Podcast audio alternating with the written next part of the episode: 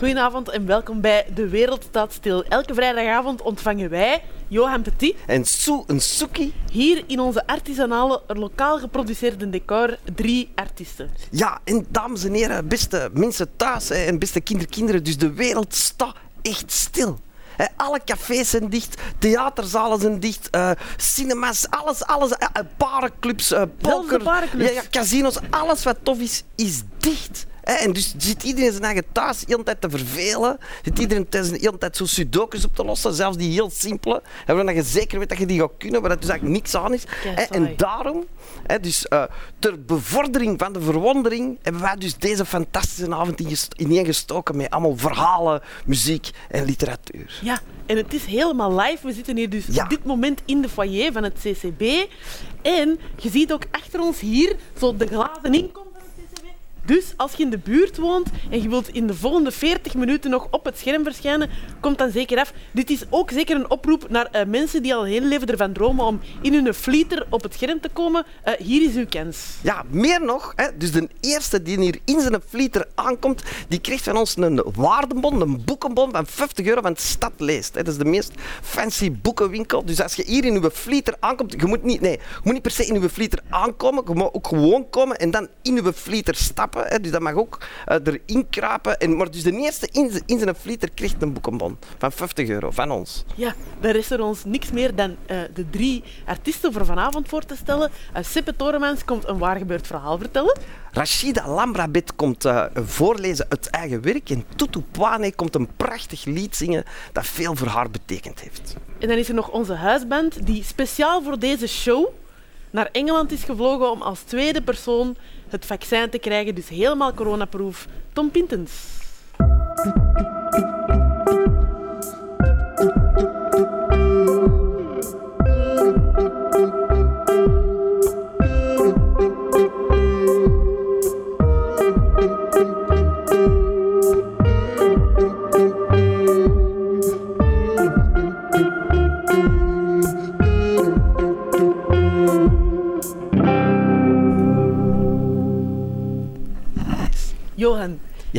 Jij eh, de mop van Jantje?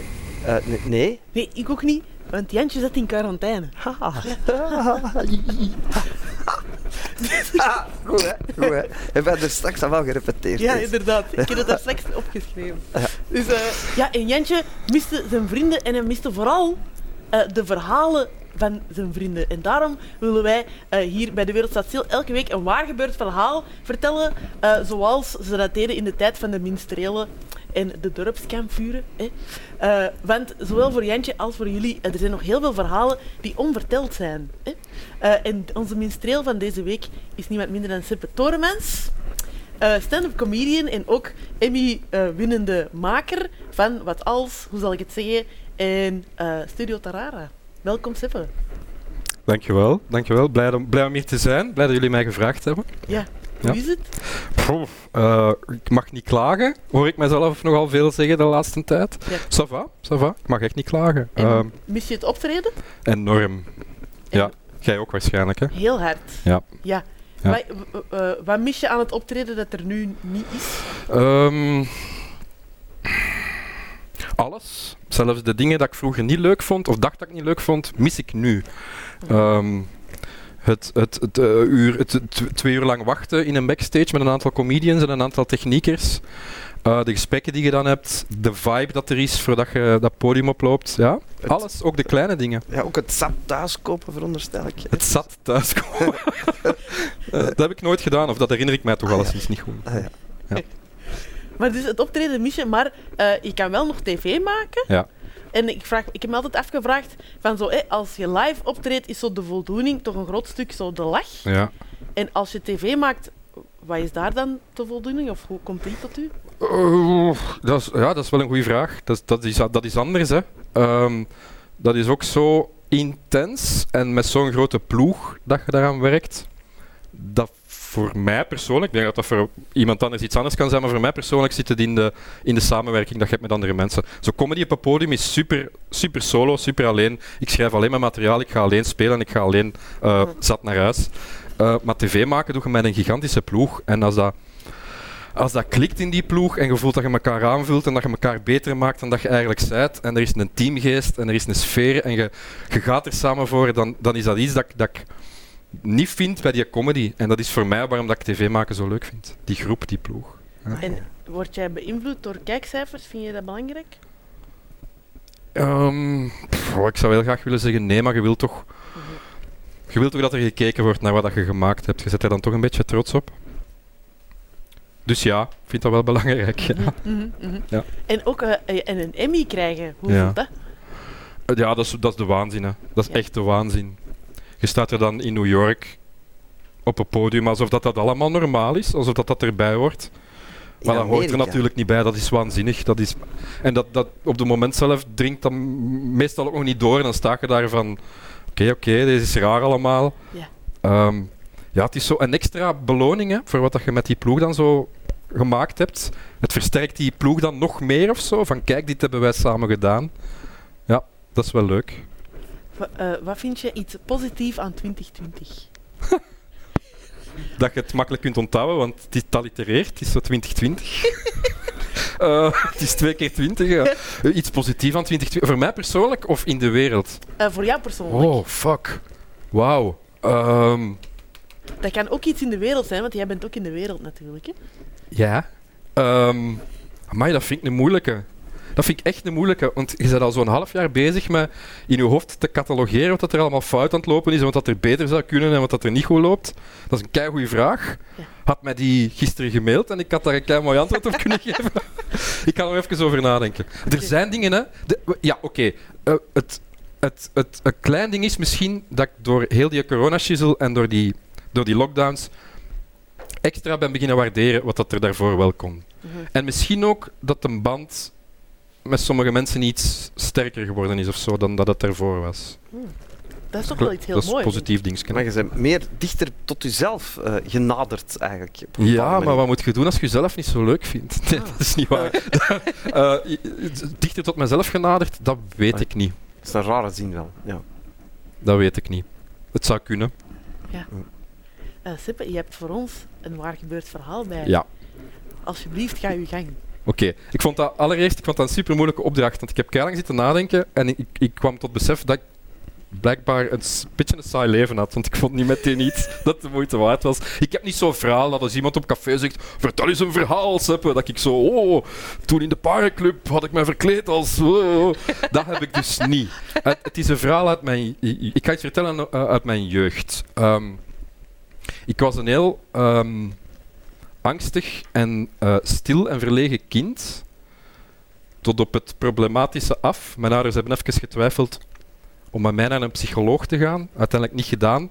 Ik was bang van alles. Ik was bang van de deurbel die ging, dan kroop ik onder de tafel. Totdat ik wist wie dat het was. Ik was bang om een bus op te stappen, want er was veel te veel volk. Ik was bang om naar school te gaan, want er waren heel veel kinderen die heel luid waren. Ik maakte daar ook geen connectie mee met andere kinderen. Ik was een beetje een eenzaad die wegvluchtte in fictie vooral. In films, in tv-series, eh, in boeken, in strips.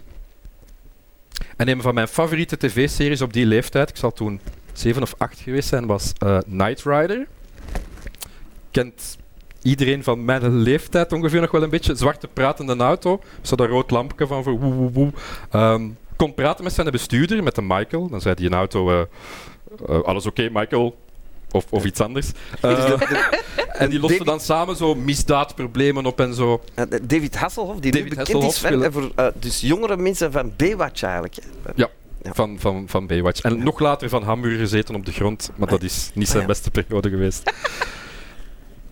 Swat, ik keek daar heel erg graag naar en ik had een fietsje, een BMX. En ik praatte met mijn fiets. Dat was Eh. mijn kit, dat was mijn, dat was mijn pratende auto.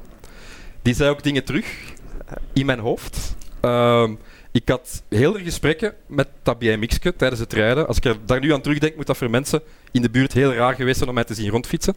Ehm zwart. ehm, wat dat Kit in de serie soms deed, was zo de controle overnemen van het stuur.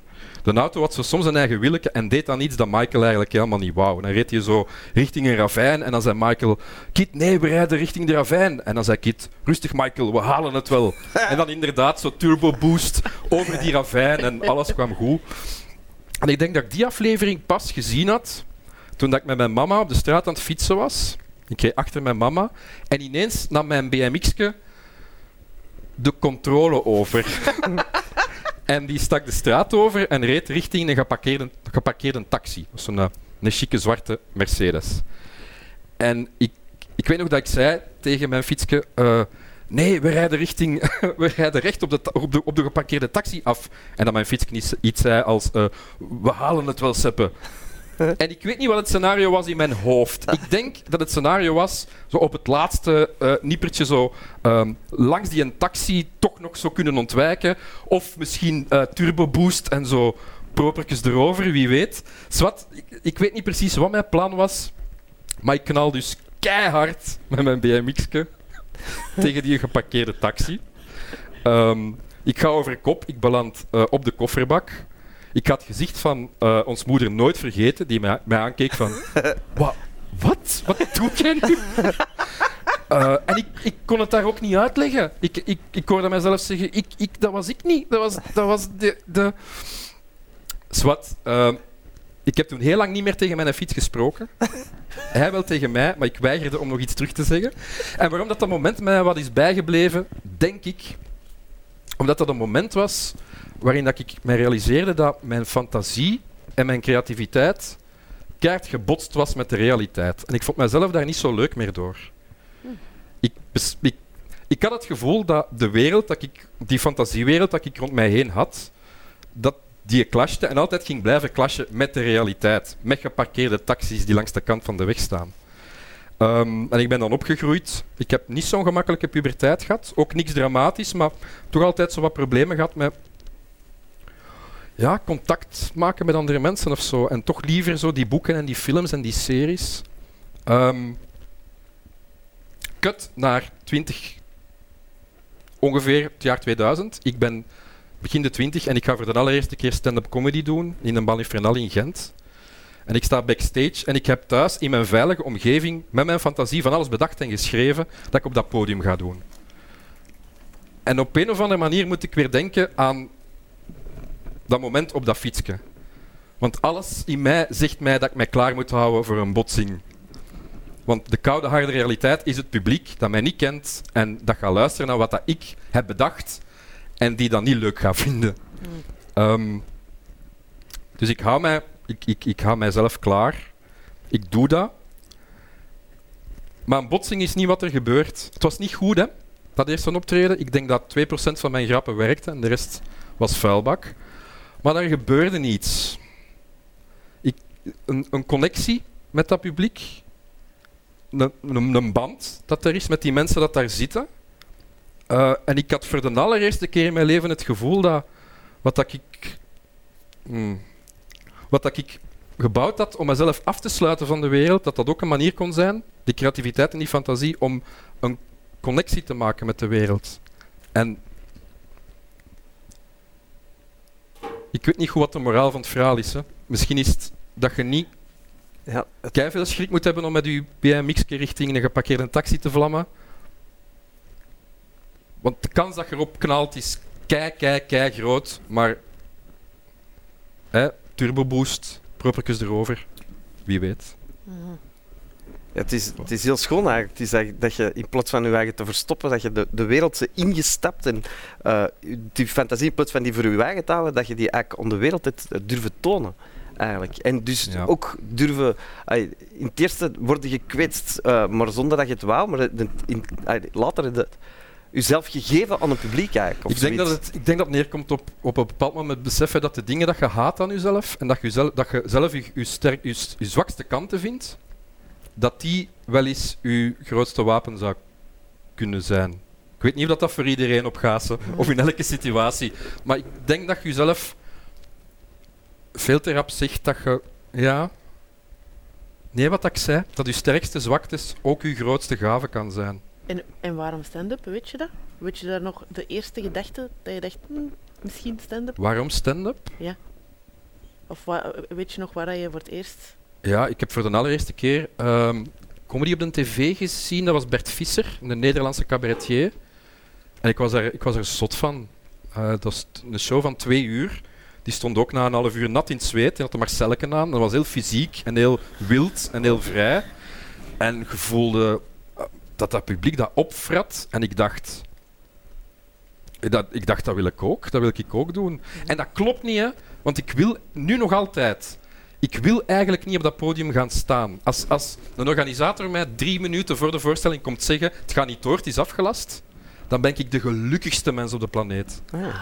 Echt waar. Ik, ik, ja, ik wil daar eigenlijk niet gaan staan. dus jij dat is niet hier dat ik eigenlijk ben. vandaag ook niet echt zijn, eigenlijk. Je? voor, vlak voordat je begon, wou die hier eigenlijk ook niet echt zijn, dan? Of viel het vandaag Ja, mee? dat, van, dat viel mee, maar dat is er zo. Ja. Dat, als ze mij nu komen zeggen, die stream is kapot, of het, het internet ligt helemaal uit, dan is er een deel van mij dat zegt, ah, dan moet ik niet in die stoel gaan zitten en mijn verhaal vertellen. Oeh. Nu, allee, ik, ik, ik benoem het nu heel negatief, want op het moment dat ik daar dan sta en dat ik die microfoon in mijn handen heb en dat je die eerste lach krijgt en je voelt terug, je wordt terug herinnerd aan, ja, maar hiervoor doe je dat, hè. Voor, voor die connectie met dat publiek en voor die lach en voor... Ja, dan is er niks dat ik liever doe op de planeet dan dat. Dus het is een heel, het is een heel dubbel ding. Ja. Het is wel crazy, zo elke keer opnieuw. Soms wat meer, soms wat minder, maar het is er wel altijd. Zo, zo shit, een podium of wat. Maar moet ik tegen die mensen gaan zeggen? En waarom? Is er niemand beter geschikt hiervoor? Zo dat, Right. Dankjewel, Sippe. alsjeblieft.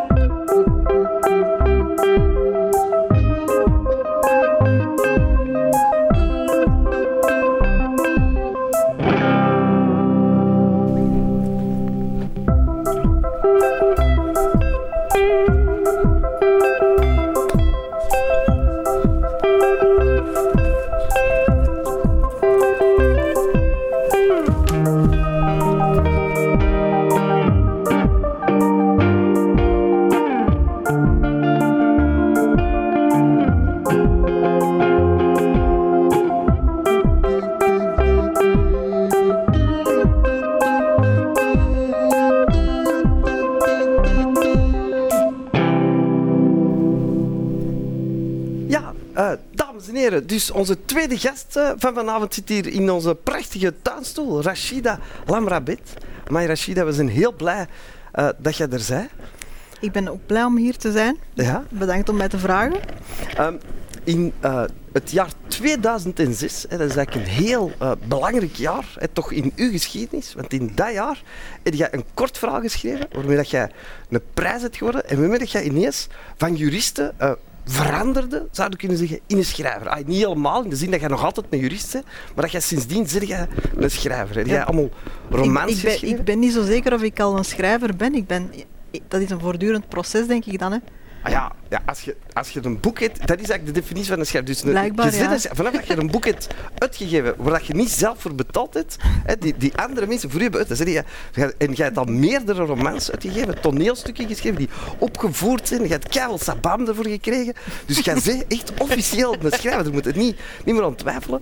Ehm, en in uw werk eh, uw werk zit, ah, dat gaat heel vaak over personages die eh, worstelen met hun identiteit en die, die soms tussen twee werelden inhangen. En, en dat is een beetje ook uw, uw biografie, in de zin dat jij op je twee jaar van Marokko naar België bent gekomen.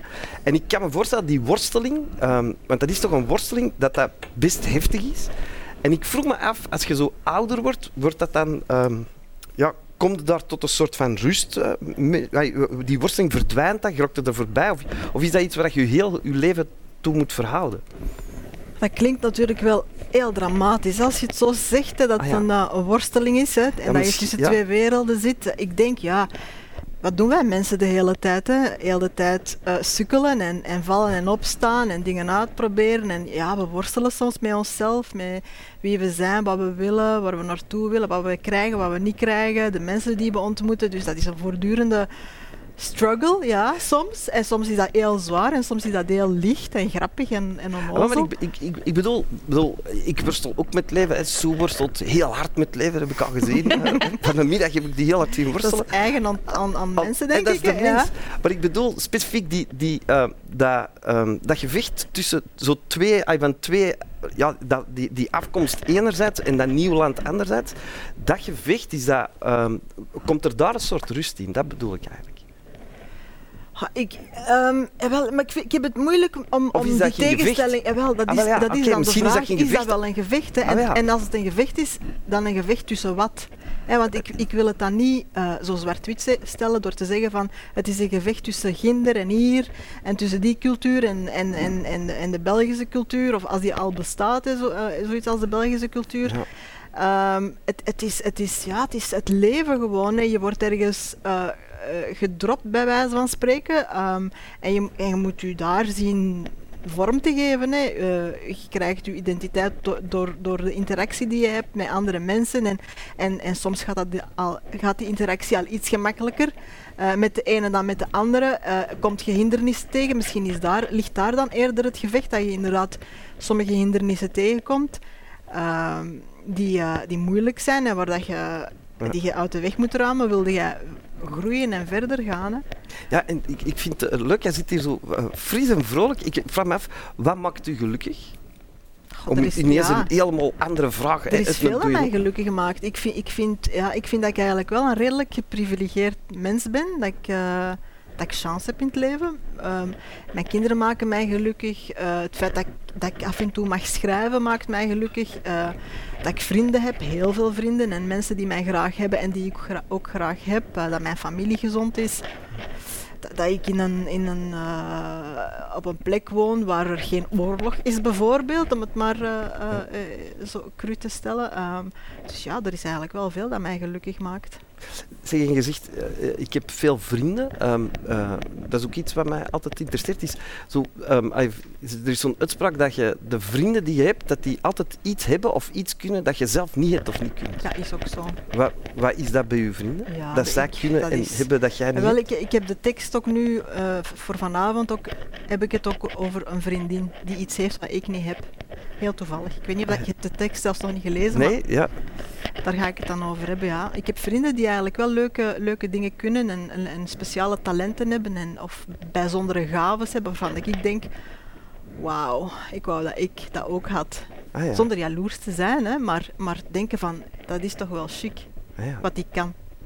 of hoe dat die in het leven staat. En nu maakt het mij heel curieus. Uh, wat, wat is dat dan?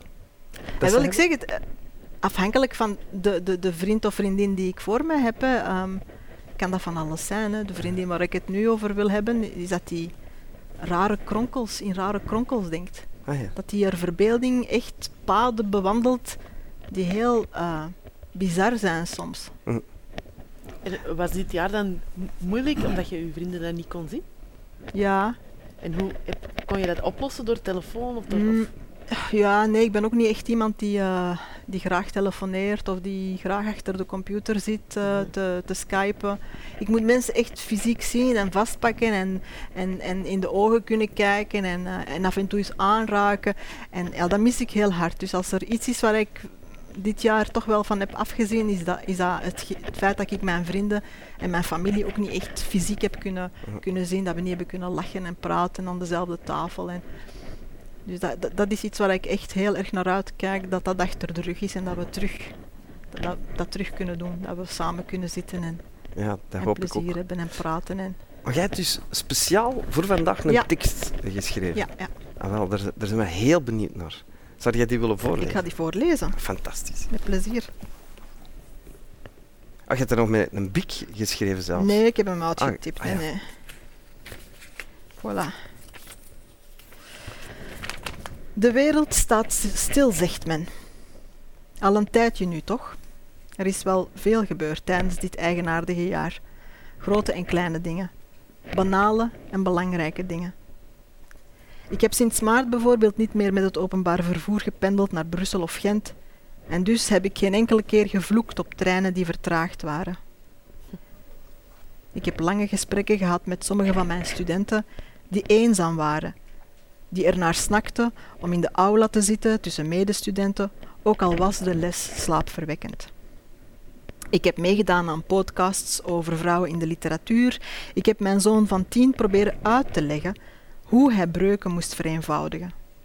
Van frustratie heb ik zijn werkschrift door de kamer gegooid, nadat hij voor de zoveelste keer zei dat ik het niet goed uitlegde. Ik ben naar de tandarts geweest.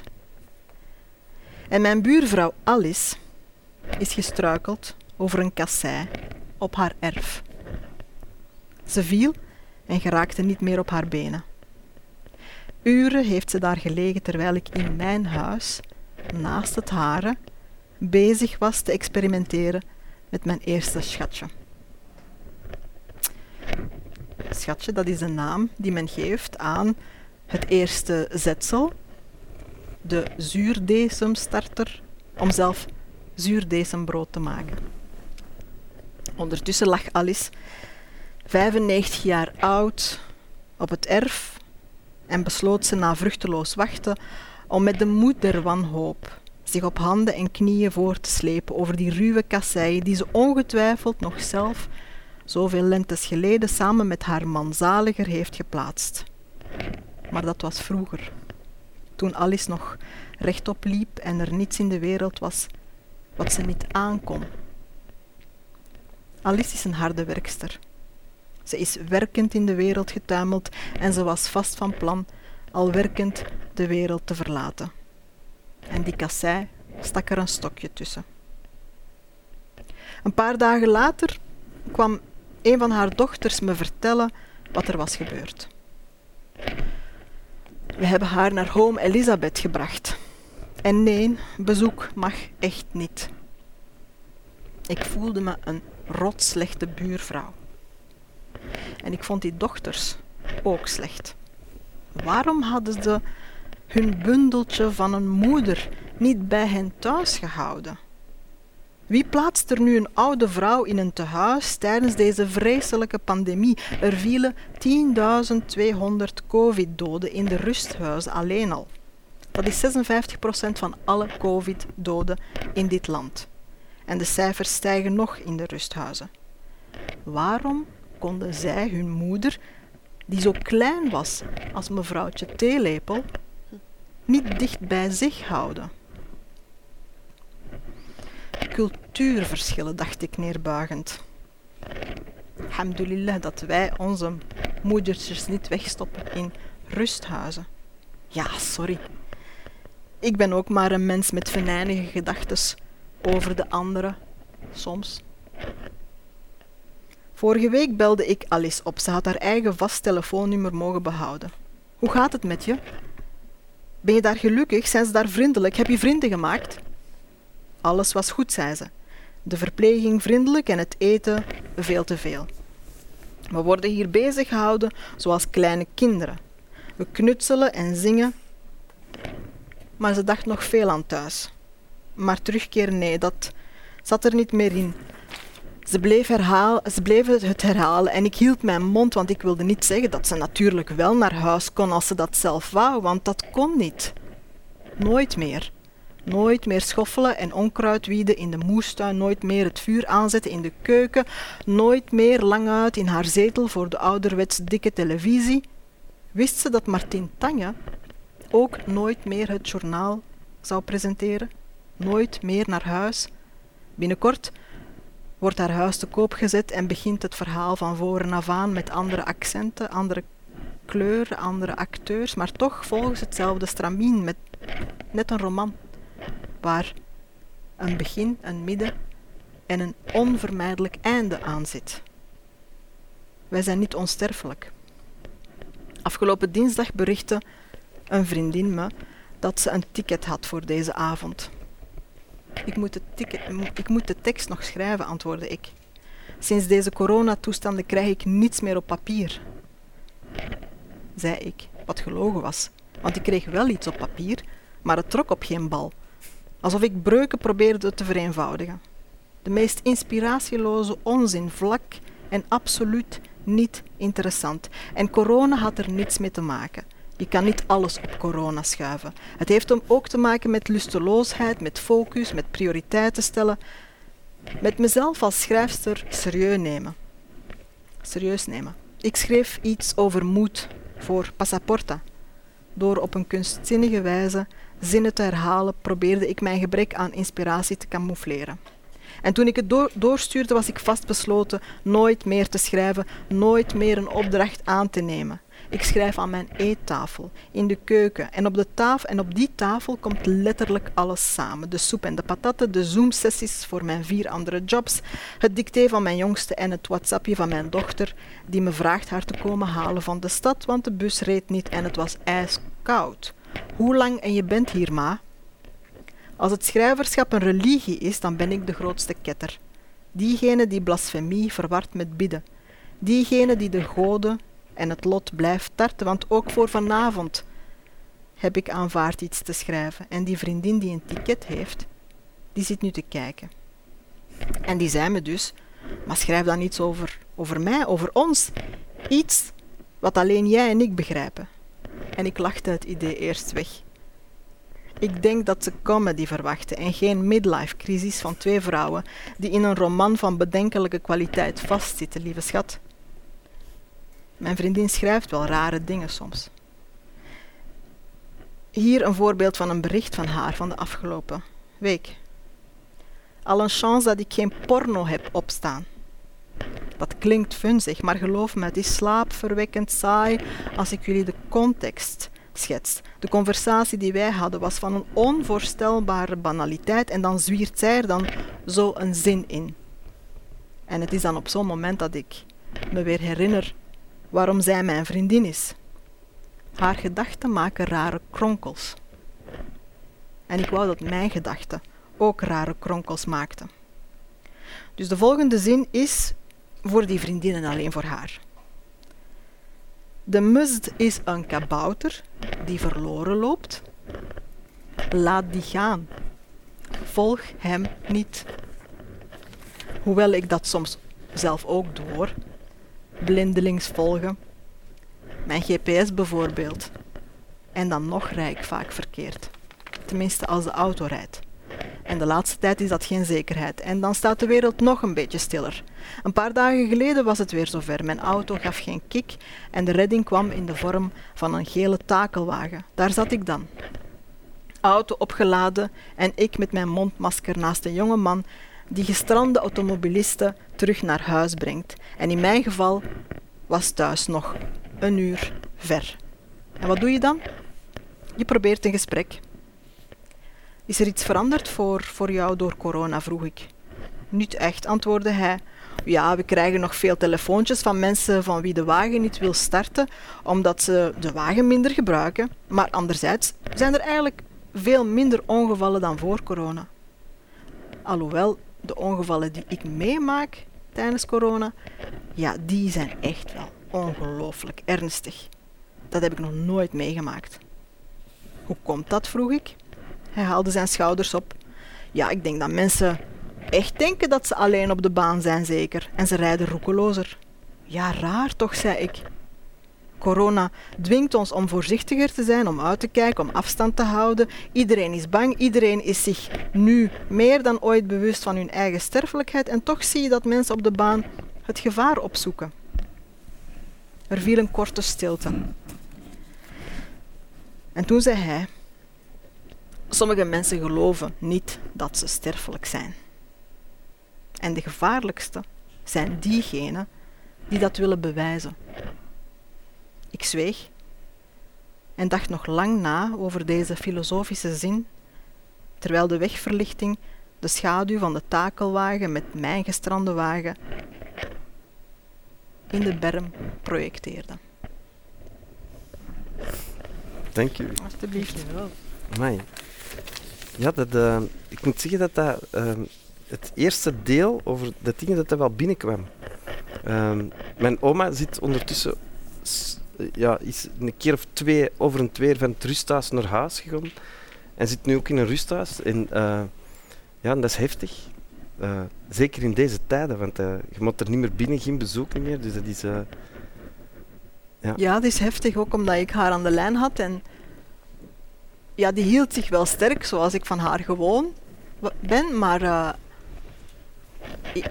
je, voelde wel dat, dat die daar niet wilde zijn. Dat die gewoon met rust gelaten wilde worden en in, in haar eigen huis wilde zitten. En zelf haar potje koken en, en rondlopen en af en toe buiten in de tuin wat gaan schoffelen. Ehm, en ja, dat brak mijn hart eigenlijk wel. Um, en natuurlijk mag ik het proces van die dochters niet maken, hè, want ieder heeft zijn eigen verhaal en zijn eigen leven. En, maar toen was ik wel boos op hen. Ik dacht van, mm. come on, jullie zijn twee vrouwen op leeftijd, jullie kinderen zijn ook uitgevlogen, jullie hebben alle twee grote huizen. Is er nu echt geen plekje om die moeder, al was maar om beurten, in huis te nemen? Ja. Dat had zij veel liever gehad dan, dan, dan daar te zijn. En, maar, ze kloeg niet, hè. bedoel, ze was... Het is hier goed, het eten is goed, eten te veel en we zitten gewoon de hele tijd. Maar jij zou je moeder en vader, of dat is in je hoofd, hè, als zij hulpbehoevend worden, dat jij die zorg op u. Dat zou ik wel willen, ja. Ja. ja. Dus ik zou, ik zou het niet kunnen verdragen dat ik die zorg zou uitbesteden aan iemand anders. Ja. ja. Dat is uh, heel bijzonder en heel moedig. Ja, ik, ja, ik weet niet of ik het zelf ga... Ik, ja, ik sta er gelukkig nog niet voor, maar uh, zover is het nog niet, maar toch. Dus, uh, ja. Merci. En ik wil ook nog één ding zeggen over uw schrijven, wat ik er zo bijzonder aan vind. Is het uh, met zo gewone zinnen en zo gewone taal. En dat je eigenlijk de taal gebruikt om de werkelijkheid... Ja, dat doet natuurlijk elke schrijver, maar ik vind... Um, ja, ik, ik, vind het heel mooi hoe dat het tot bij ons kwam eigenlijk. En dus ik vond het heel ontroerend. Dank je wel. Um, en ah ja, ondertussen zit nog steeds uh, Tom Pintes. Ik weet niet of je die kent, maar Tom Pintes zit hier naast ons. En um, dus Tom Pintes, toen is die uh, 25 jaar geleden, toen hij 25 jaar jonger was. Hè, dus nu, je ziet dat hij is al zo grijs dat hij bijna 50 jaar is. Hè, dus uh, toch, hè, bijna 50. Maar dus 25 jaar geleden, uh, toen ik op de toneelschool zat, moest ik van de toneelschool een radioprogramma maken. En toen was een Tom Pintes daar om de micro's juist te zetten. Hè, dus toen heb ik die leren kennen. Hè, terwijl die, die micro's juist dat was ongelooflijk. En nu vandaag heb jij een lied voor ons bij, Tom? Ja, klopt. Ah wel. Wilde jij dat zingen? Zeker.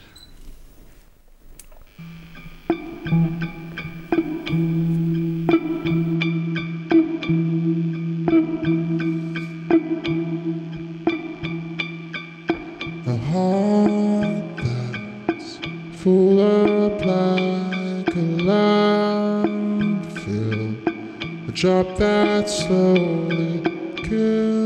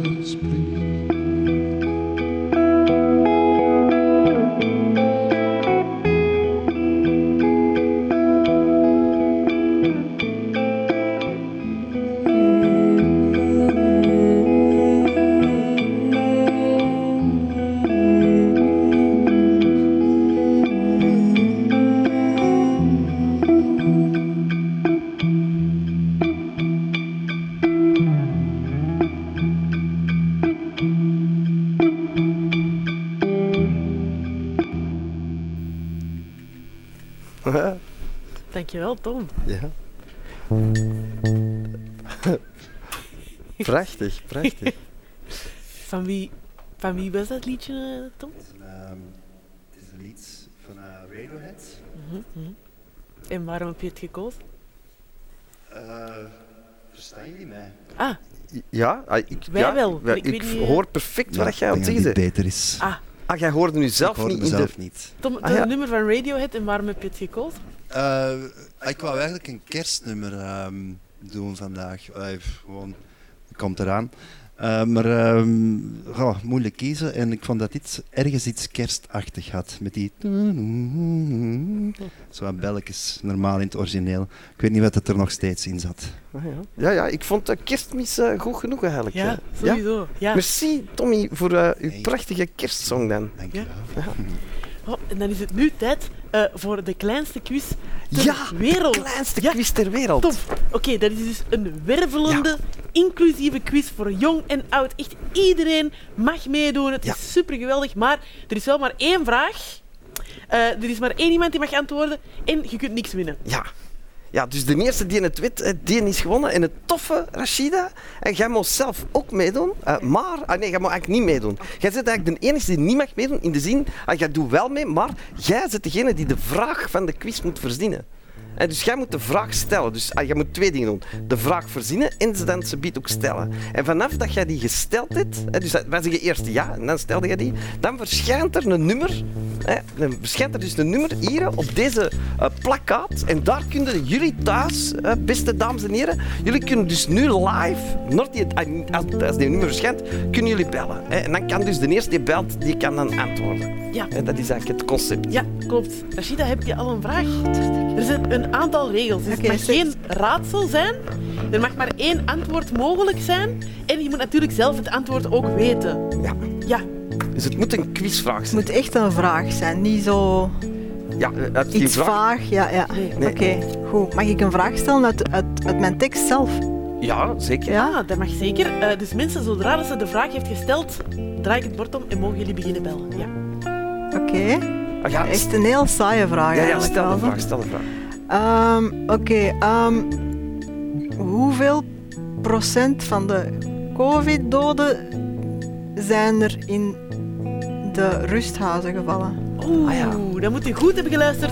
Dames en heren, hoeveel procent van de COVID-doden zijn in de rusthuizen gevallen? U mag bellen naar 0478 284621. Ik zal nog eens herhalen. 0478 284621. En u moet snel zijn, want de eerste ja. beller het is niet echt een vrolijke vraag, maar... Ja, ja en, en het leuke is ook hè, met dat het dus echt zo live online is. Dus niemand heeft dat op zijn video opgenomen. Dus de mensen moeten het zich herinneren eigenlijk. Hè. Moeten het even onthouden. Dus dat is uh, heel spannend. Zeer spannend. En daar ligt trouwens de gsm. Dat is dus de gsm met het nummer. Ja, waar dat de mensen dus kunnen bellen. En waarbij dus uh, in spanning zitten te wachten totdat er iemand belt. En Tom, spannend hè? Ja. Ja. Echt zeer spannend, zeer spannend. Ja. Heb jij al eens een quiz meegedaan, uh, Rashida? Niet dat ik weet eigenlijk, nee. Ah, oh, oh. oh al het. ja. We hebben een bel. Ongelooflijk. Oké, okay, hier gaan Ongelooflijk. Oké, okay, gaan Dus, uh, ja. Uh, welkom, u bent bij De Wereld Staat Stil. Met wie spreek ik? Met Lieve. Oh, met wie? Dus, wilt u uw naam nog eens één keer herhalen? Lieve. Dag, Lieve. Hallo. Uh, waar woon jij, Lieve? Ik woon net om de hoek in de Wasstraat in Berchem. Oh, oh uh, ga, ga je straks ook jij of iemand anders in uw flieter hier komen staan? Sorry? Oh, uh, Lise, ik ga direct door naar uh, de vraag van het moment. Weet jij het antwoord op ja. de vraag? hoeveel procent van de covid-doden zijn in de rusthuizen? Dat is 56 procent. We kijken naar Rashida. Ja, ja, ja. Ja, dat is helemaal juist, Lise. Jij zegt gewonnen. Je yes. hebt gewonnen. En maar spijt genoeg, die bon van 50 euro van uh, dinges, van uh, de, het stad leest, die blijft al hier. Want dat is voor degene die dus in zijn flieter naar hier komt. En die heeft nog ongeveer een kwartier tijd om tot hier te geraken. Dus, uh, dat, dus ja, ik ben er een man aan het overtuigen, maar hij wil niet. Ja. Ik kan wel een flieter nadoen. En is uw, is uw man smakelijk om te zien in zijn flieter? Of, uh, allee, ja, jij zult dat vinden van wel natuurlijk, want anders zou je man niet meer zijn. Ja, dat kan ik niet beoordelen van een ander perspectief. Nee. Ah, ja, maar stuurt maar naar hier. Dus 50 euro, hè? 50 euro. Lise, uh, je hebt gewonnen. Ben je blij? kei blij. Oké, okay, Lise, bedankt om mee te doen. Je hebt niks gewonnen, maar je bent wel een ervaringrijker. Super! Alright, dag Lise. Doei. Bye. Dus dat was de kleinste quiz ter wereld. Super. Dat was de kleinste Oké, okay, dankjewel. Ja. Dit was de kleinste ter wereld. Wat me wel opvalt, uh, is dat je nogal blinkt op je voorhoofd. ja.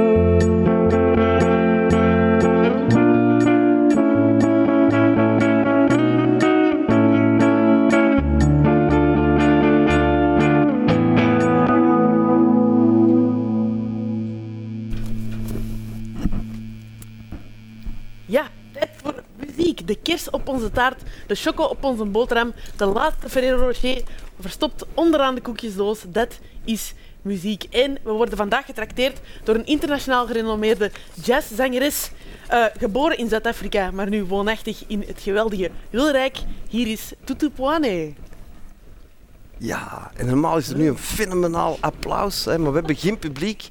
Uh, maar wij zijn toch heel blij, Tutu, dat jij hier bent. Allee, ik ook. Tutu, welkom. Dank u wel. Hoe is het ermee? Merci voor die uitnodiging. Ja, graag gedaan. Um, hoe is het? Uh, ja, ja, ça va. ja. ik probeer niet te veel te klagen, dus ça va. Alright. Zeg, dit is een, uh, een online live show, maar je hebt ook jouw eigen online live project. Elke zondag om drie uur speel je samen met je man Ewout. Ewout. Uh, ja. De Living Room Jukebox Sessions. Ja. Waarin dat je eigenlijk ja, mensen nummers kunnen aanvragen die dat jij dan zingt. Ja. En uh, van waar is dat idee gekomen?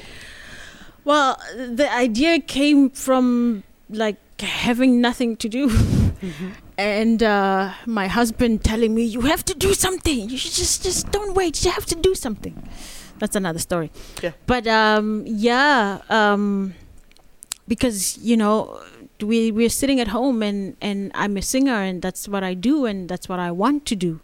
So um, it was necessary to, to do something whilst we are waiting for the world to reopen. Mm-hmm. Um, it's very necessary for me to sing for for for my for my for my happiness, for my spirit. Mm-hmm. If I spend long periods of time where I don't have work, I don't sing, I'm uh, I get very lusty and I'm not very fun to live with. Okay.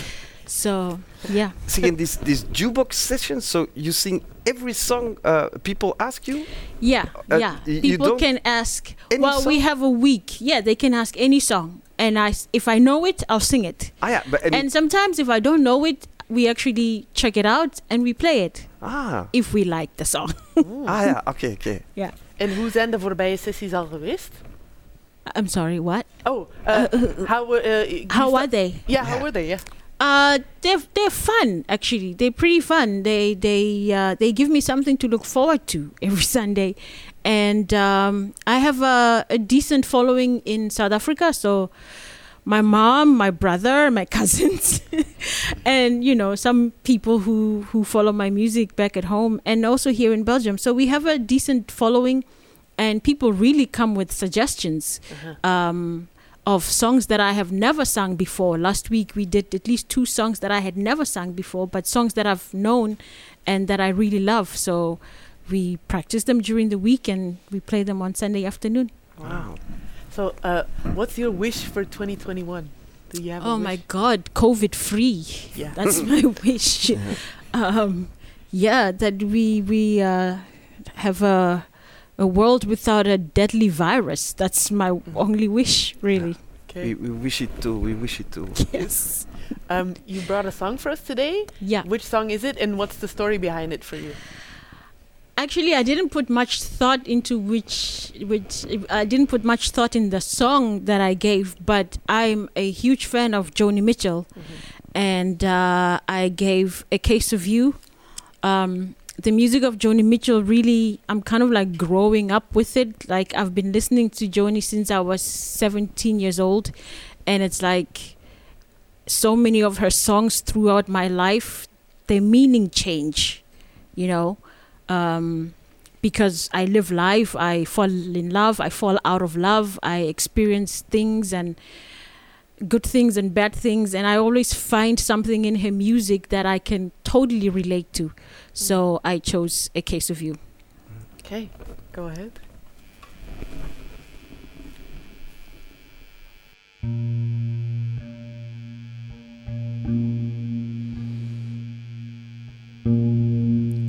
Just before our love got lost, you said, I am as constant as a northern star. And I said, constantly in the darkness. Where's that at? If you want me, I'll be in the bar. On the back of a cartoon coaster. In the blue TV screen light. I drew a map of Africa. Oh,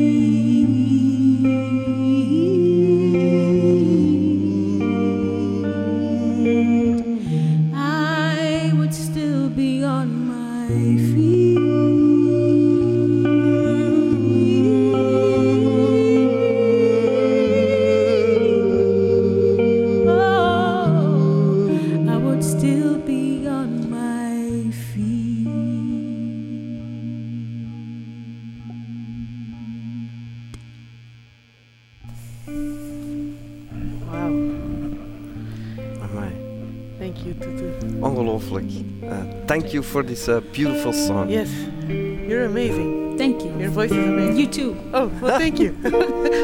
yes. Oh, uh, voor de mensen thuis die graag meer willen horen, uh, Tutu Poane en haar man Ewa doen dus elke zondag om drie uur een livestream, de Living Room Jukebox, Jukebox Sessions, op haar Facebookpagina. Dus allemaal volgen Tutu Poane op Facebook. En helaas is het voor ons tijd om uh, hier af te sluiten. Maar eerst wil ik graag iedereen hier in het CCB uh, heel hard bedanken.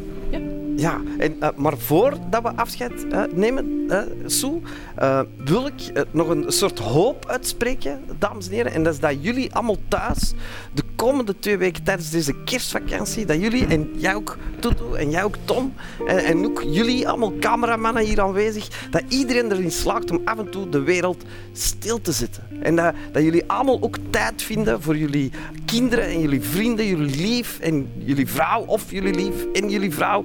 Dat jullie tijd vinden om samen naar de vogels te gaan zien in het park.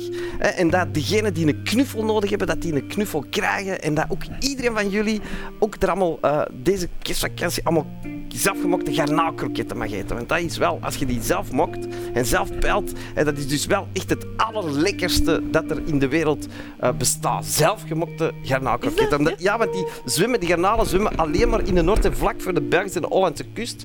En dus dat is alleen hier dat je dat kunt... Dat is waanzin. Dat is, ja. We beseffen dat niet omdat we dat elke keer maar eten. En mag je die zelf pelt, dat is gewoon mindblow. Ja, ja, elk jaar maak ik zelfgemokte garnaalkroketten. Oh. Mag ik hier dan ook uh, dit jaar? Ah, wel, zo, ik zal speciaal voor u. Voor, ja, voor u. Dat, is, uh, dat is een samentrekking van jou en u. Voor u. voor u. Hè, dat je zo prachtig bent, zal ik de 8 januari, als ja. wij hier terugzitten, zelfgemokte garnaalkroketten. Uh, oh. Ja, ontdooide zelfs. Hè, want dus kan die dan eerst maken, invriezen en dan ontdooien. En met dat moet die gelijk een lolly opsabberen. En dat is toch ook niet interessant. Oké, okay. maar dan kom ik zeker. Ja. Dan kom ik zeker de 8 januari. Al merci, Johan. Graag gedaan. En ook bedankt aan de mensen thuis voor het kijken. Uh, wij zijn terug op 8 januari, maar uh, voor die tijd kunnen jullie ons altijd bereiken op ons gastenboek op ja. dewereldstaatstil.be. En nee, een gastenboek, dat is niet verouderd, dat is kei tof. Dus kom af op de wereldstaatstil.be en uh, bedankt om te kijken. En wij zien jullie graag terug op vrijdag 8 januari. Bye! Joehoe!